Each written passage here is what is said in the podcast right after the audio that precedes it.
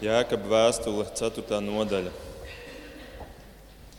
No kurienes kari un no kurienes cīņas jūsos? Vai ne no tieksmes pēc baudām, kas karo jūsu locekļos?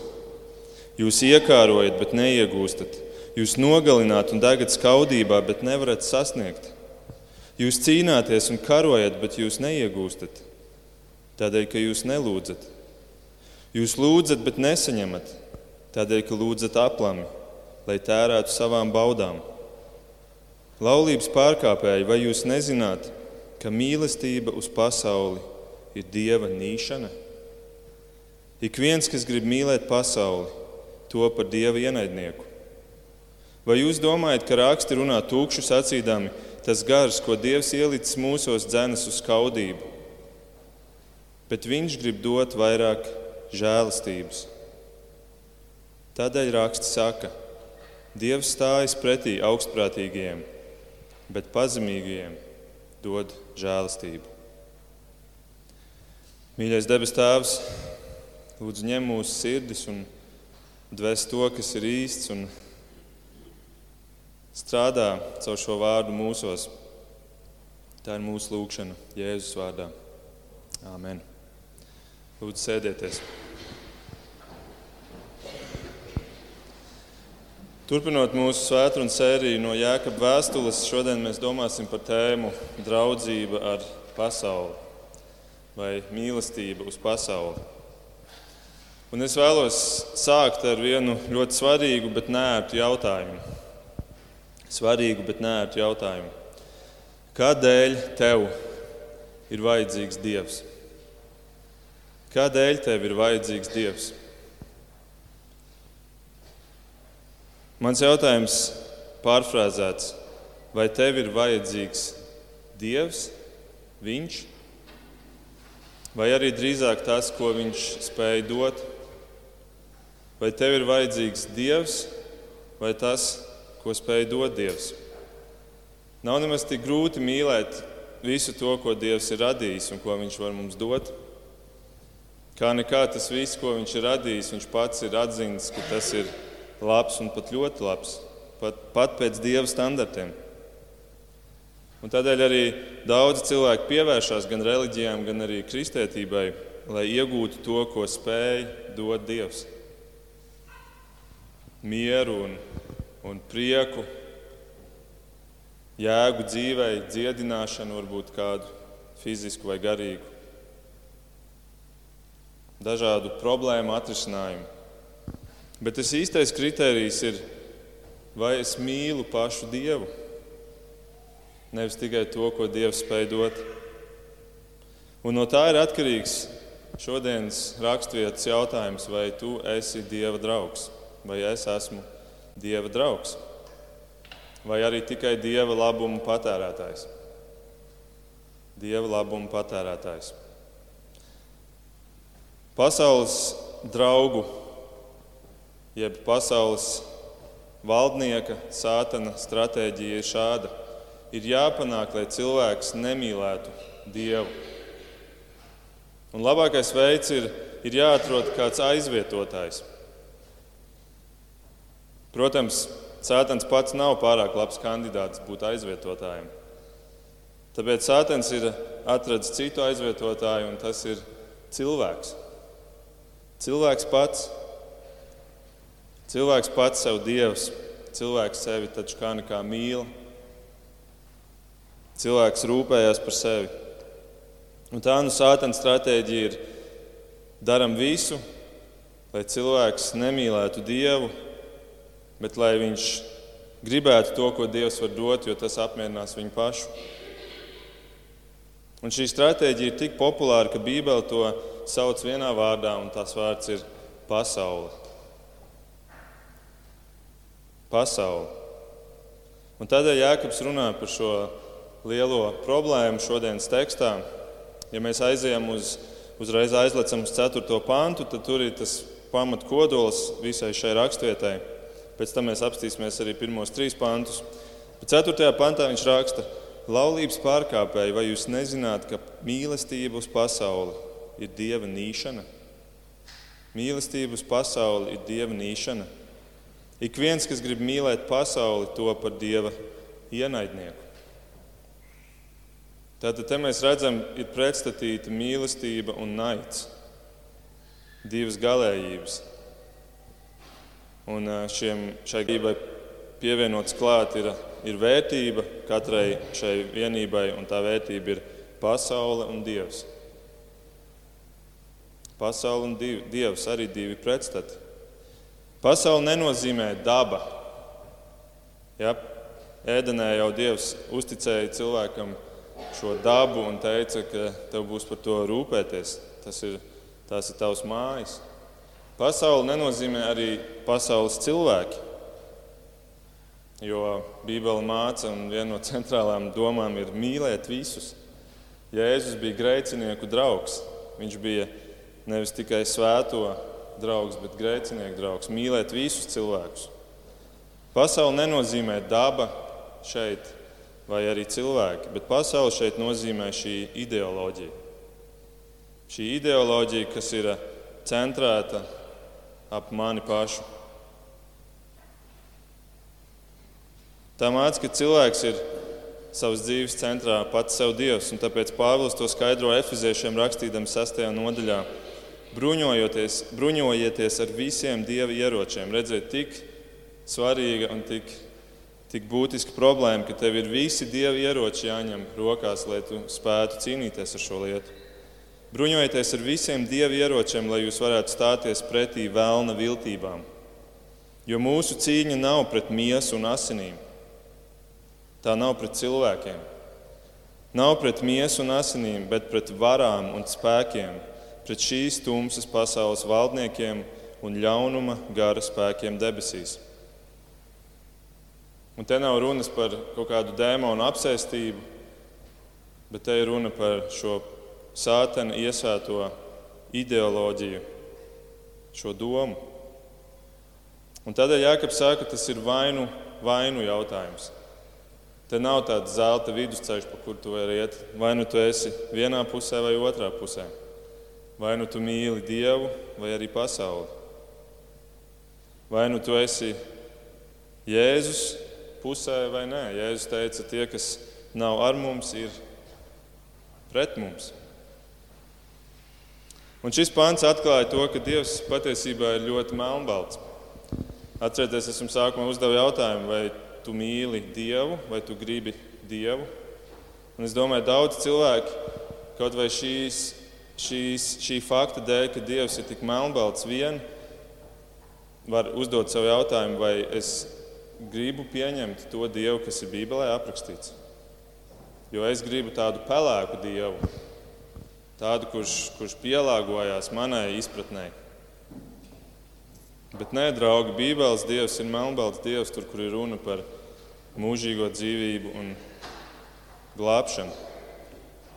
Ievadā Raimons lasīja no 1. Jāņa vēstules otrās nodaļas, un tur bija kādi arī ļoti melnbalti vārdi iekļauti. Tur bija minēts par to, ka vai nu tu esi Kristus pusē, vai tu esi antikrists.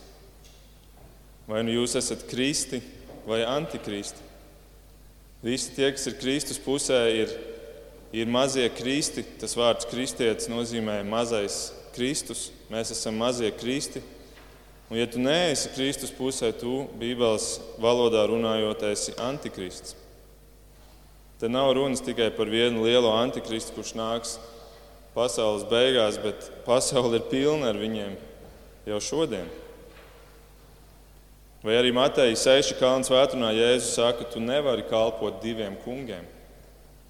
Tu nevari pelēko vidusceļu atrast, kuru mēs mēdzam saukt par zelta vidusceļu.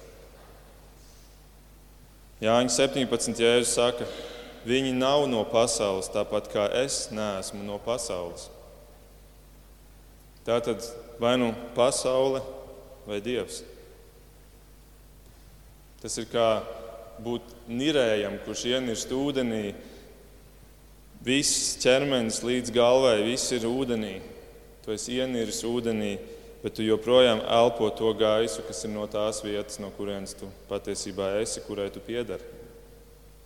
Mēs esam pasaulē, bet mēs neesam no pasaules. Tātad jēkab doma ir, tu nevari būt vienā un otrā pusē. Līdz ar to Jēkabs neraksta šo domu ar tādu, ar tādu aicinājumu, nu, mīļie kristieši, lūdzu, esiet mazāk pasaulīgi. Jā, protams, mums ir katram jācīnās ar to, kāda ir mūsu ikdiena un kā mēs, ko mēs uzņemam no pasaules un kā mēs, kādu mēs priekšstatu atstājam pasaulē un arī, arī brāļiem un māsām. Bet Jēkaba doma šeit ir daudz dziļāka, un tā doma ir Tas ir kārtējais pārbaudījums tev un man, vai es esmu no Dieva. Es saku, ka es esmu, bet vai tiešām mani darbi to atklāja?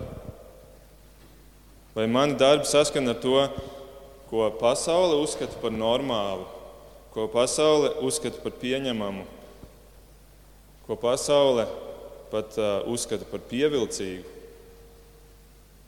Vai mana dzīve apliecina to, ka es esmu pasaules draugs, un es atgādinu nevis cilvēku, pasaules cilvēku draugs vai, vai pasaules dabas draugs, bet šīs ideoloģijas draugs, kur viss centrējas ap tevi, tu esi Dievs. Šis postmodernais gars, kurš saka, ka nav vienas patiesības, jo katram ir sava patiesība, katrs pats sev ir Dievs.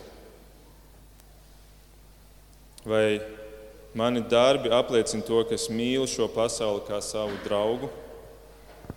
Jēkabs šajā pantā vārdam mīlestību uz pasauli, šim vārdam mīlestību lieto grieķu vārdu fileo.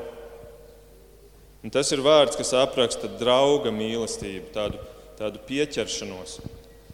Te nav runas par eros mīlestību, erotisko vai, vai fiziski, fizisko mīlestību, bet Eh, un te arī nav runas par agapu mīlestību, kas ir tā dievišķā mīlestība. Šeit runa ir par filēo, par draugu mīlestību. Kopīgs aizraušanās, kopīgs intereses, hobiji, kuros tu velti laiku kopā, arī saskaņa uzskatos. Tā tad ne tik daudz tāda ārēja pievilcība, bet vairāk šī iekšējā, šīs iekšējās simpātijas, šī iekšējā pieķeršanās. Lai jums dotu piemēru, Jāņa 15. Jēzus saka, ka lielākā fileo mīlestība ir, ja kāds atdod savu dzīvību par savu draugu. Ja kāds atdod dzīvību par savu draugu, kādēļ viņš to atdod? Tādēļ, ka viņš labi izskatās? Visticamāk, nē. Tādēļ, ka viņam ir šī iekšējā saite, viņam ir kādas, kādas um, varbūt kāda pieredze, kāda pagātne, kur viņi ir kopā bijuši un, un pavadījuši laiku un sapratuši, ka viņiem ir daudz kas kopīgs un ir izveidojusies šī iekšējā simpātija. Turpat Jāņa 15. jēzus saka saviem mācekļiem: Es jūs vairs nesaucu par kalpiem, jo to, ko dara kungs, viņa kalps nezina. Bet es jūs saucu par draugiem, filējo draugiem, jo es, jums, jo es esmu jums darījis zināmu visu, ko dzirdēju no tēva. Tātad tāda ir šī filējo drauga mīlestība nevis kā tādam kalpam, kurš tikai izpilda pavēles. Kungs man pavēlēja, es to daru, es nesaprotu, kāpēc tas vajadzīgs, bet es to daru. Draugs saprot otru sirdi, un viņam pat nemaz nav vajadzīga pavēle un lūgums. Viņš bieži vien jau zina un jau jūt, kas ir jādara, un to dara. Tāda ir šī filējo mīlestība. Un Jēkabs šodienas teksts saka, ja tev šāda filējo drauga mīlestība ir pret pasauli, tad tu atvaino, esi Dieva ienaidnieks. Ja tava pieķeršanās, tavas iekšējās simpātijas saskana ar to, ko māca šajā pasaulē, kas ir šī sātana ideoloģija, ka tev ir tavs ego pats svarīgākais, tad atvaino, bet tu esi Dieva ienaidnieks. Tādēļ kādas tad ir manas attiecības ar pasauli? Tas ir tas jautājums ar šiem sātana ies, iesētajiem meliem, ka es esmu savas dzīves centrā. Vai mana dzīve to apliecina, ka es esmu draugs šai, šai pasaules ideoloģijai? Un, lai saprastu, kā šī ideoloģija praktiski izpaužas, Jēkabs dod trīs piemērus. Trīs piemēri. Un tie ir trīs konflikti. Trīs konflikti, par kuriem Jēkabs raksta, un mēs varam apskatīties sākot ar pirmo pantu. Pirmais piemērs ir konflikts ar apkārtējo pasauli, ar apkārtējiem cilvēkiem. Pirmajā pantā viņš pirmo teikumu raksta kā jautājumu. No kurienes kari un no kurienes cīņas jūsos? Vai vecajā tulkojumā precīzāk starp jums? No kurienes ir šī, šie konflikti jūsu starpā visu laiku? Šī ideoloģija, šī pasaules ideoloģija ir balstīta uz to, ka katram cilvēkam ir sava griba. Man ir sava griba, tev ir sava griba, viņam ir sava griba, viņai ir sava griba. Katrs dara tā, kā viņš grib. Un tā griba grozās ap, ap sevi. Es esmu kungs par savu dzīvi, par savu laiku, par saviem resursiem, par savām finansēm. Es esmu kungs par saviem talantiem. Man ir sava taisnība un man ir visas tiesības dzīvot sev. Un tādā veidā pasaulē ir septiņi miljardi gribu. Katra atšķirīga. Un tādēļ, ka katra ir atšķirīga, kas veidojās? Konflikti. Visi kari, visas problēmas, visi konflikti ir, ir sadušanās starp gribām, starp atšķirīgām gribām. Un man nav jums gari jāstāsta un jādod piemēru, ko nozīmē, ka ir karš pasaulē un cik kari ir bijuši pasaulē. Mēs zinām, ka, ka pasaules vēsture ir pilna ar, ar asinīm, ar asiņainiem kariem. Un arī šodien es paskatījos tīri, cik šodien uz šodienu ir, ir uh, bruņoti konflikti. 67 pasaules valstīs šobrīd ir kāds bruņots konflikts. Un tajos ir iesaistīts 781 militārā grupa.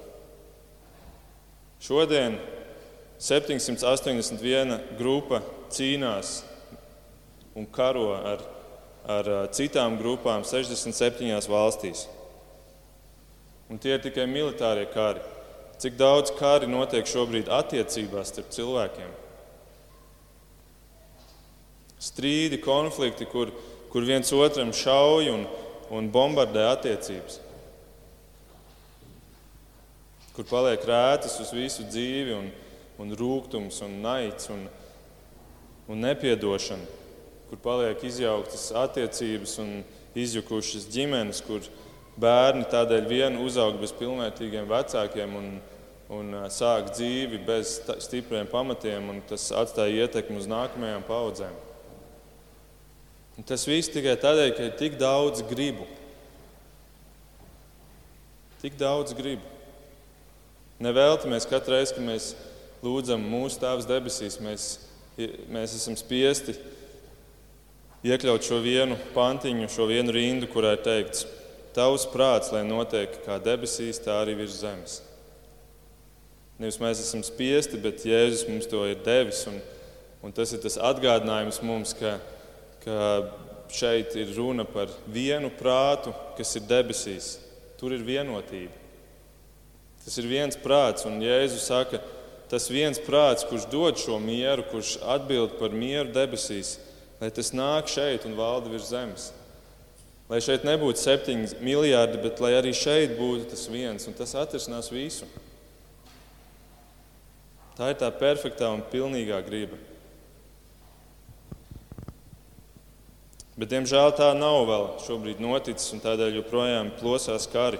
Un paldies Dievam, ka mēs dzīvojam šobrīd valstī, kurā šajā dzīves posmā, kurā mēs esam šobrīd ielikti, mums nav jāpiedzīvo karš bet mūsu valsts arī ir, un šī teritorija ir arī piedzīvojusi pietiekami daudz pagātnē.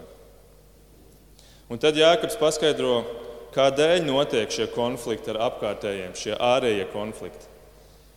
Viņš paskaidro, kas ir cēlonis, un cēlonis ir otrais punkts - konflikts, konflikts ar sevi. Konflikts ar sevi, iekšējais konflikts. Visi ārējie konflikti ceļās no cilvēka iekšējā konflikta. Turpat Jāekaba pirmajā pantā viņš turpina, vai ne no tieksmes pēc baudām, kas karo kur? Jūsu locekļos. Vai ne no tieksmēm, tieksmes pēc baudām, kas karo jūsu locekļos, ir visi šie ārējie kari un šie konflikti?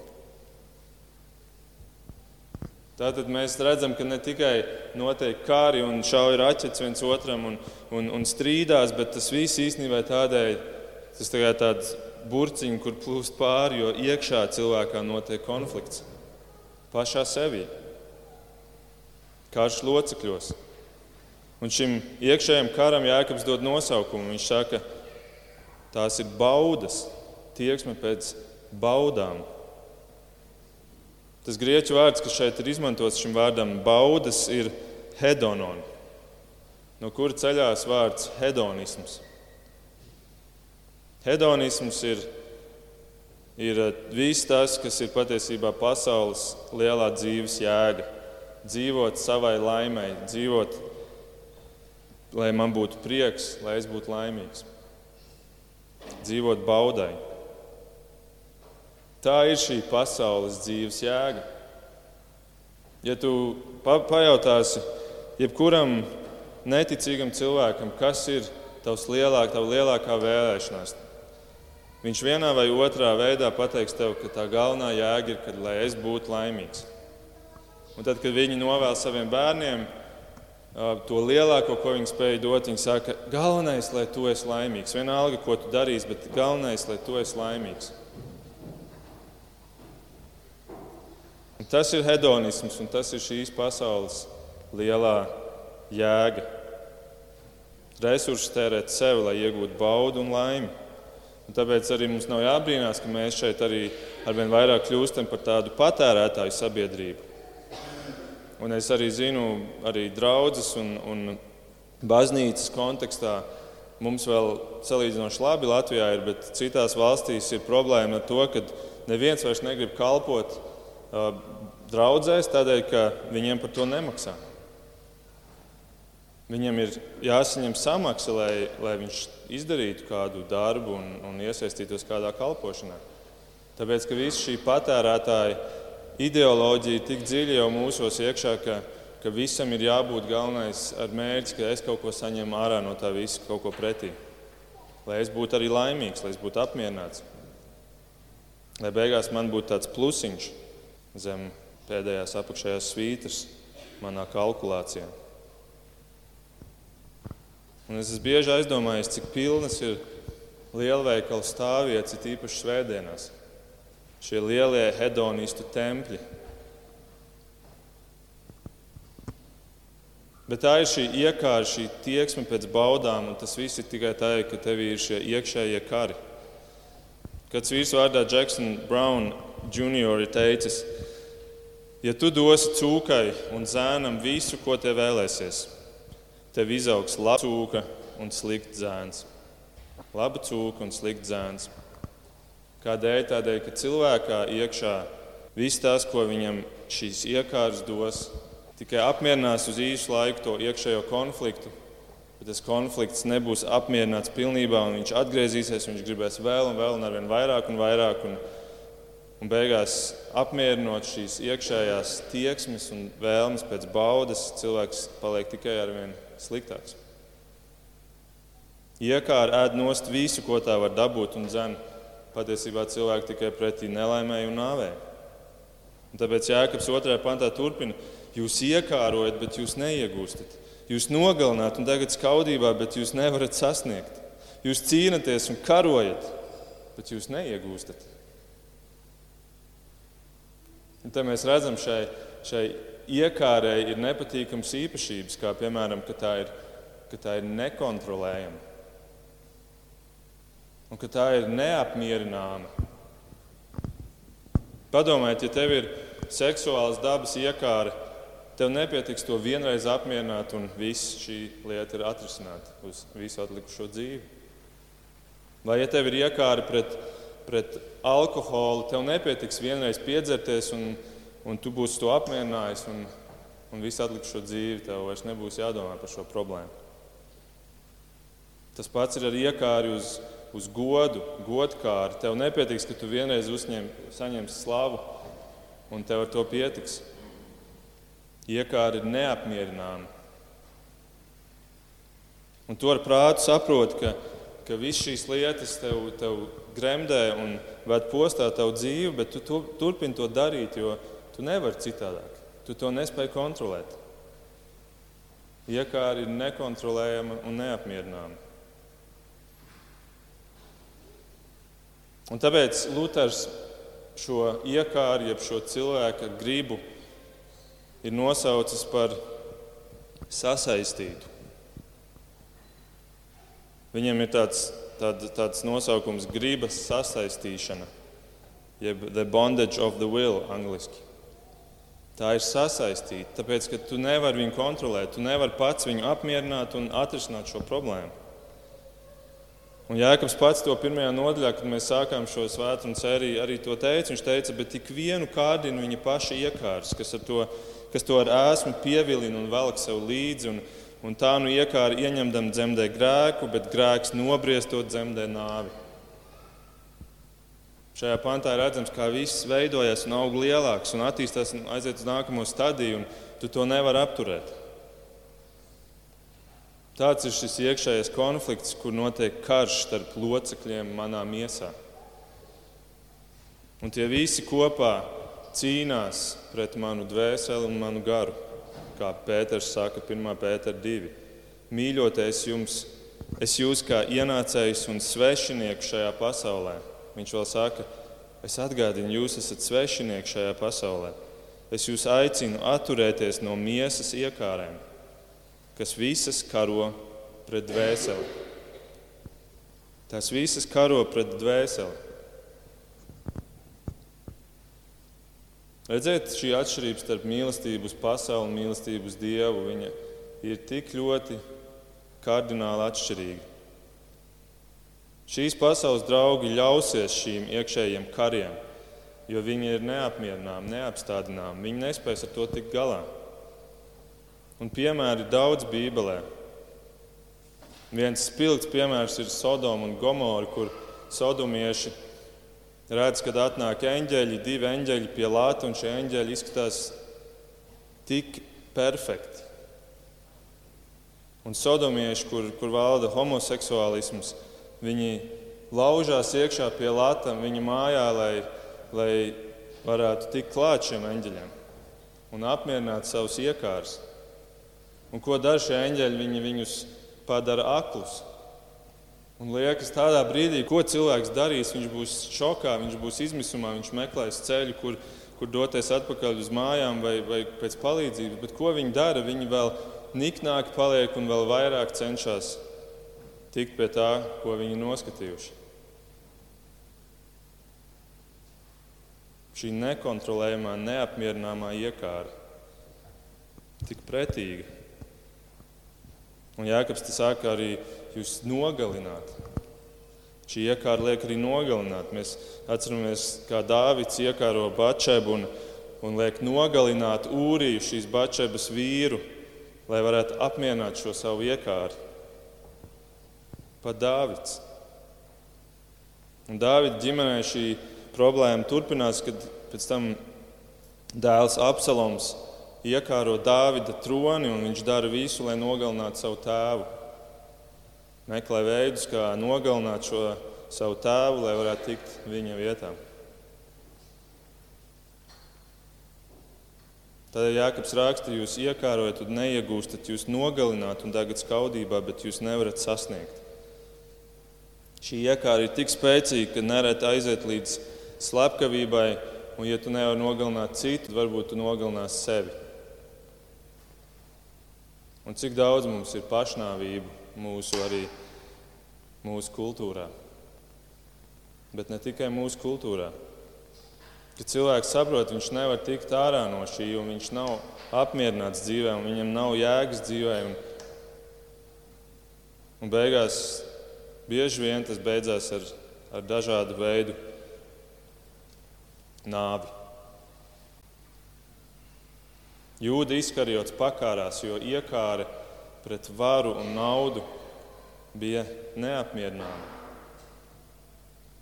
Viņš nebija vienīgais, kurš nodeva jēzu un kurš nožēloja to. Pēters to arī izdarīja.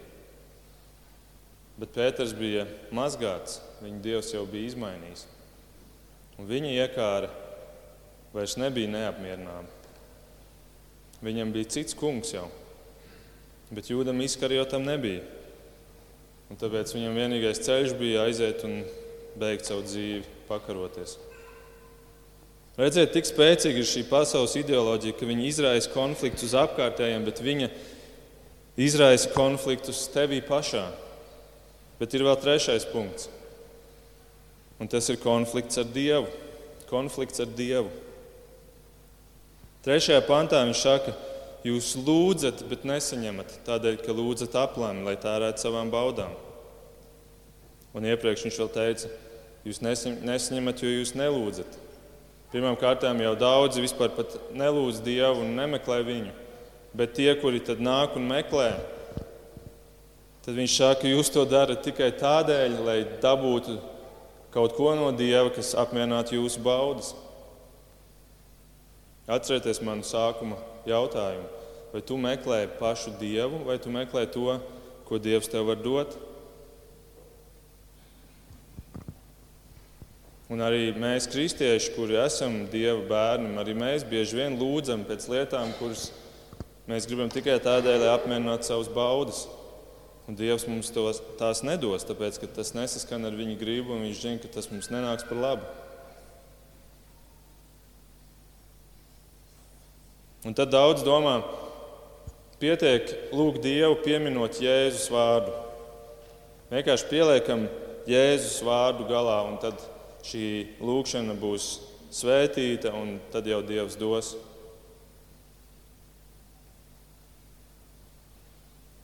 Viņš saka, nē, ar to vien nepietiek. Pielikt Jēzus vārdu galā nav tāda formula. Jēzus vārdā nozīmē, ka es to daru saskaņā ar Jēzus gribu. Tikai tad Dievs arī dos un atbildēs uz šīm lūgšanām. Viņa vārds nav kā tāda formula, ar kuru es varu apmierināt savu samaitāto gribu. Mēs atceramies Mateja 7, kur, kur Jēzus saka, ka daudzi teiks, Kungs, kungs, vai mēs tavā vārdā nepravietojām, vai mēs tavā vārdā neizdzinām dēmonus, vai tavā vārdā daudz brīnumus nedarījām. Un Jēzum ir jāatbild, es jūs nekad neesmu pazinis, nos no manis jūs ļauna darītāji. Jūs gan darījāt lietas manā vārdā, bet tās lietas patiesībā bija ļaunas. Nepietika tikai pielikt klāt manu vārdu, un tad viss ir svētīts un viss ir labs. Šie darbi ir ļauni par spīti tam, ka tie ir darīti Jēzus vārdā. Un tad Jēzus tur vienā, vienā pāntā iepriekš at, paskaidroja, kāpēc tas tā ir. Viņš saka, ne ik viens, kas man saka, kungs, kungs, ieies debesu valstībā, bet tas, kas dara mana debesu tēva gribu, nevis kas dara savu gribu. Lūk, te ir tā viena grība, kas ir tur augšā debesīs pie Dieva. Un tikai tie, kuri darīs šo gribu, tie, tos Kristus pazīst, un to darbi nav ielikti kategorijā ļaunums.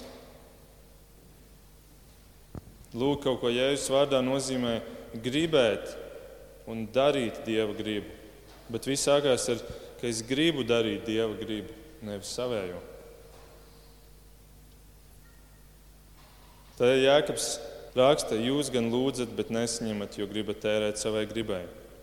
Un tad mēs nonākam atkal pie tā 4. panta, kur Jēkabs paskaidro, ka tālu ir šī mīlestības pasaule. Ka tu tikai gribi ņemt to, ko Dievs tev spēj dot, nevis pašu Dievu, tādu kāds viņš ir. Mīlestības pasaule, nevis mīlestības Dievu. Un tieši tādēļ tā ir Dieva nīšana. Tātad kā ir? Vai es meklēju Dievu, un, vai tomēr tikai Dieva dotos labumus? Un man, diemžēl, ir slikta ziņa mums katram atbildot šo jautājumu. Tā sliktā ziņa ir tā, ka mēs neviens neesam spējīgs meklēt Dievu. Mēs esam tikai spējīgi meklēt Dieva labumus, nevis pašu Dievu. Romiešiem 3 un arī vecajā derībā ir rakstīts, nav neviena, kas meklē Dievu. Nav neviena, kas meklē Dievu. Visi cilvēki ir krituši grēkā un meklē tikai, kā piepildīt savu gribu. Neviens nemeklē Dievu. Un kā gan lai cilvēki spētu meklēt Dievu, ja viņu griba ir tik sasaistīta. Un tādēļ šodienas tekstam seko vēl piektais pants. Tā ir šī gala diagnoze mūsu stāvoklim. Tas ir sarežģīts pants, kuru, par kuru daudz ir, ir, ir cīnījušies, lai mēģinātu saprast, kas tur ir īsti domāts. Bet tā izšķirošā lieta ir, vai tas gars, kas šeit ir minēts, ir domāts svētais gars vai mūsu kritušais gars. Un tā kā te ir oriģinālā tekstā nav lielie mazie burti, tad tad tas ir tīri no, interpret, no konteksta interpretējams. Bet tā, tā interpretācija, kas, kas, kurai es piekrītu, kas saskan ar šo kopējo domu gājienu, ir tā, ka Jēkabs saka, ka tā ir tava gala diagnoze tam stāvoklim. Viņš raksta, vai jūs domājat, ka raksti runā tukšu sacīdām, tas gars, ko Dievs ir ielicis mūsos, dzenas uz skaudību. Tas ir tas, ka, ko dara tavs gars. Un, ja tu to nevari pieņemt, un ja tev liekas, ka tas ir normāli, tad tu nevari būt Dieva draugs. Tad tu esi akls pacients, kurš negrib pieņemt savu diagnozi. Mūsu gars dzenas uz skaudību, tādēļ mēs nemeklējam Dievu, bet mēs meklējam labumu sev. Neviens nemeklē Dievu. Un tad ir tas jautājums, kā tad ir iespējams kļūt par Dieva draugiem? Ja mēs paši nespējam meklēt, atbilde ir dota Jāņa 6, kur Jēzus saka, neviens nevar nākt pie manis. Viņš patiesībā pasaka to pašu, neviens nevar nākt pie manis, ja tēvs, kas man ir sūtījis, to nevelk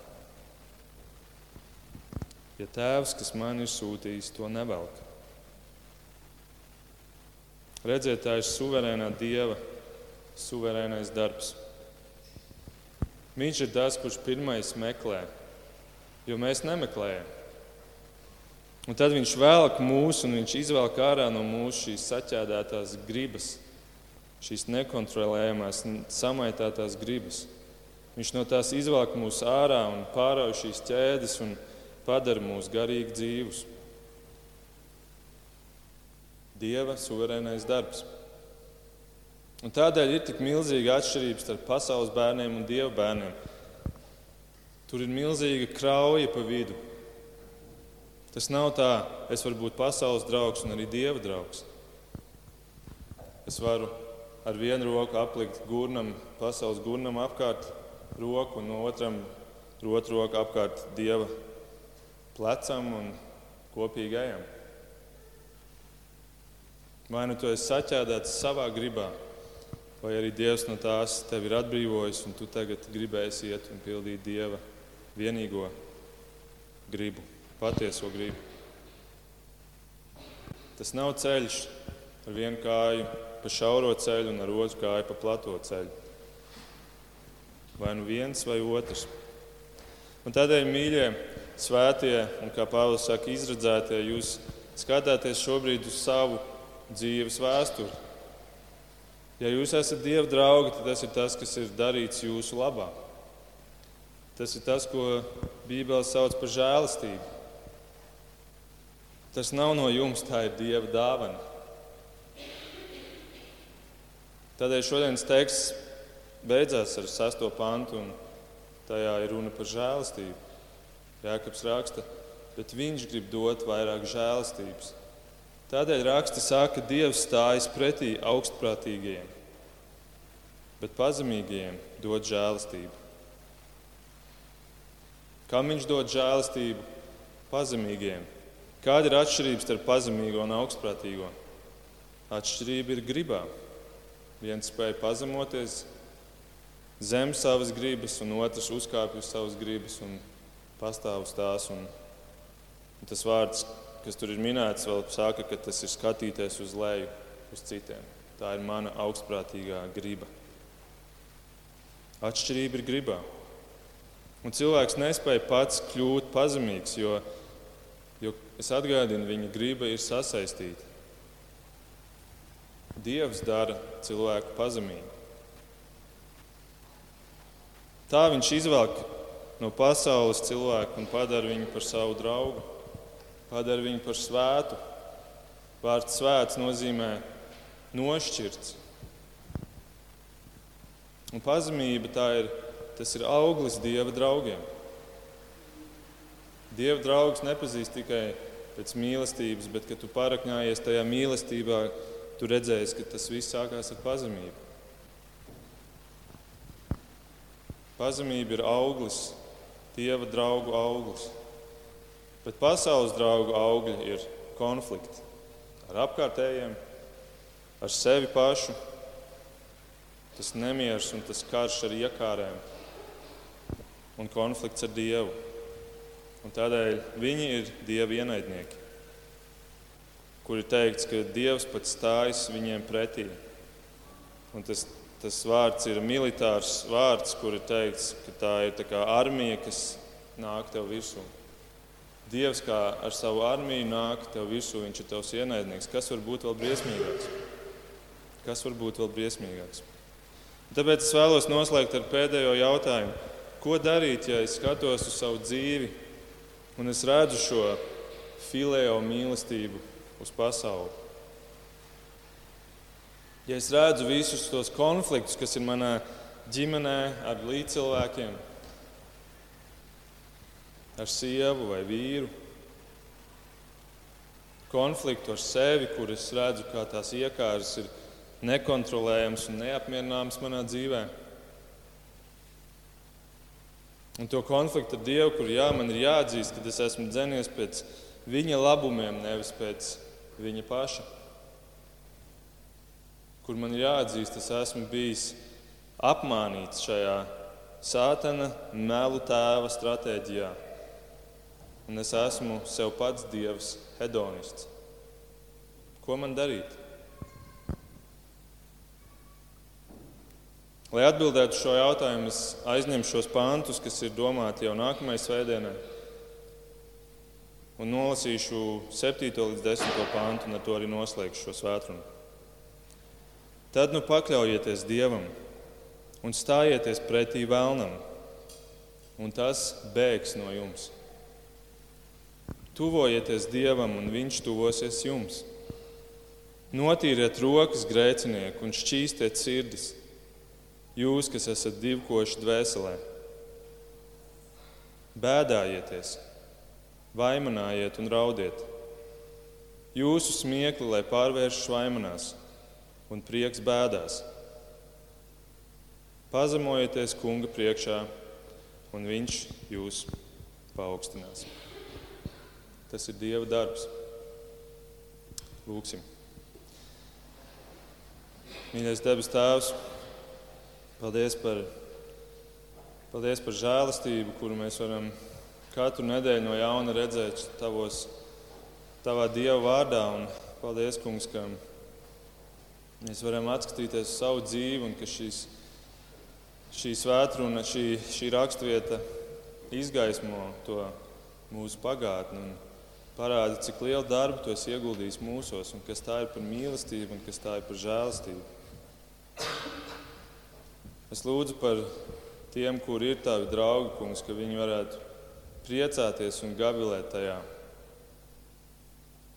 Un es lūdzu par tiem, kuri nav droši, vai viņi ir tavi draugi, ka viņi, ka viņi varētu atrast arī laiku, kurā bēdāties, kurā izsūdzēt savus grēkus, kurā nopietni nākt tavā priekšā un, un ieskatīties tev acīs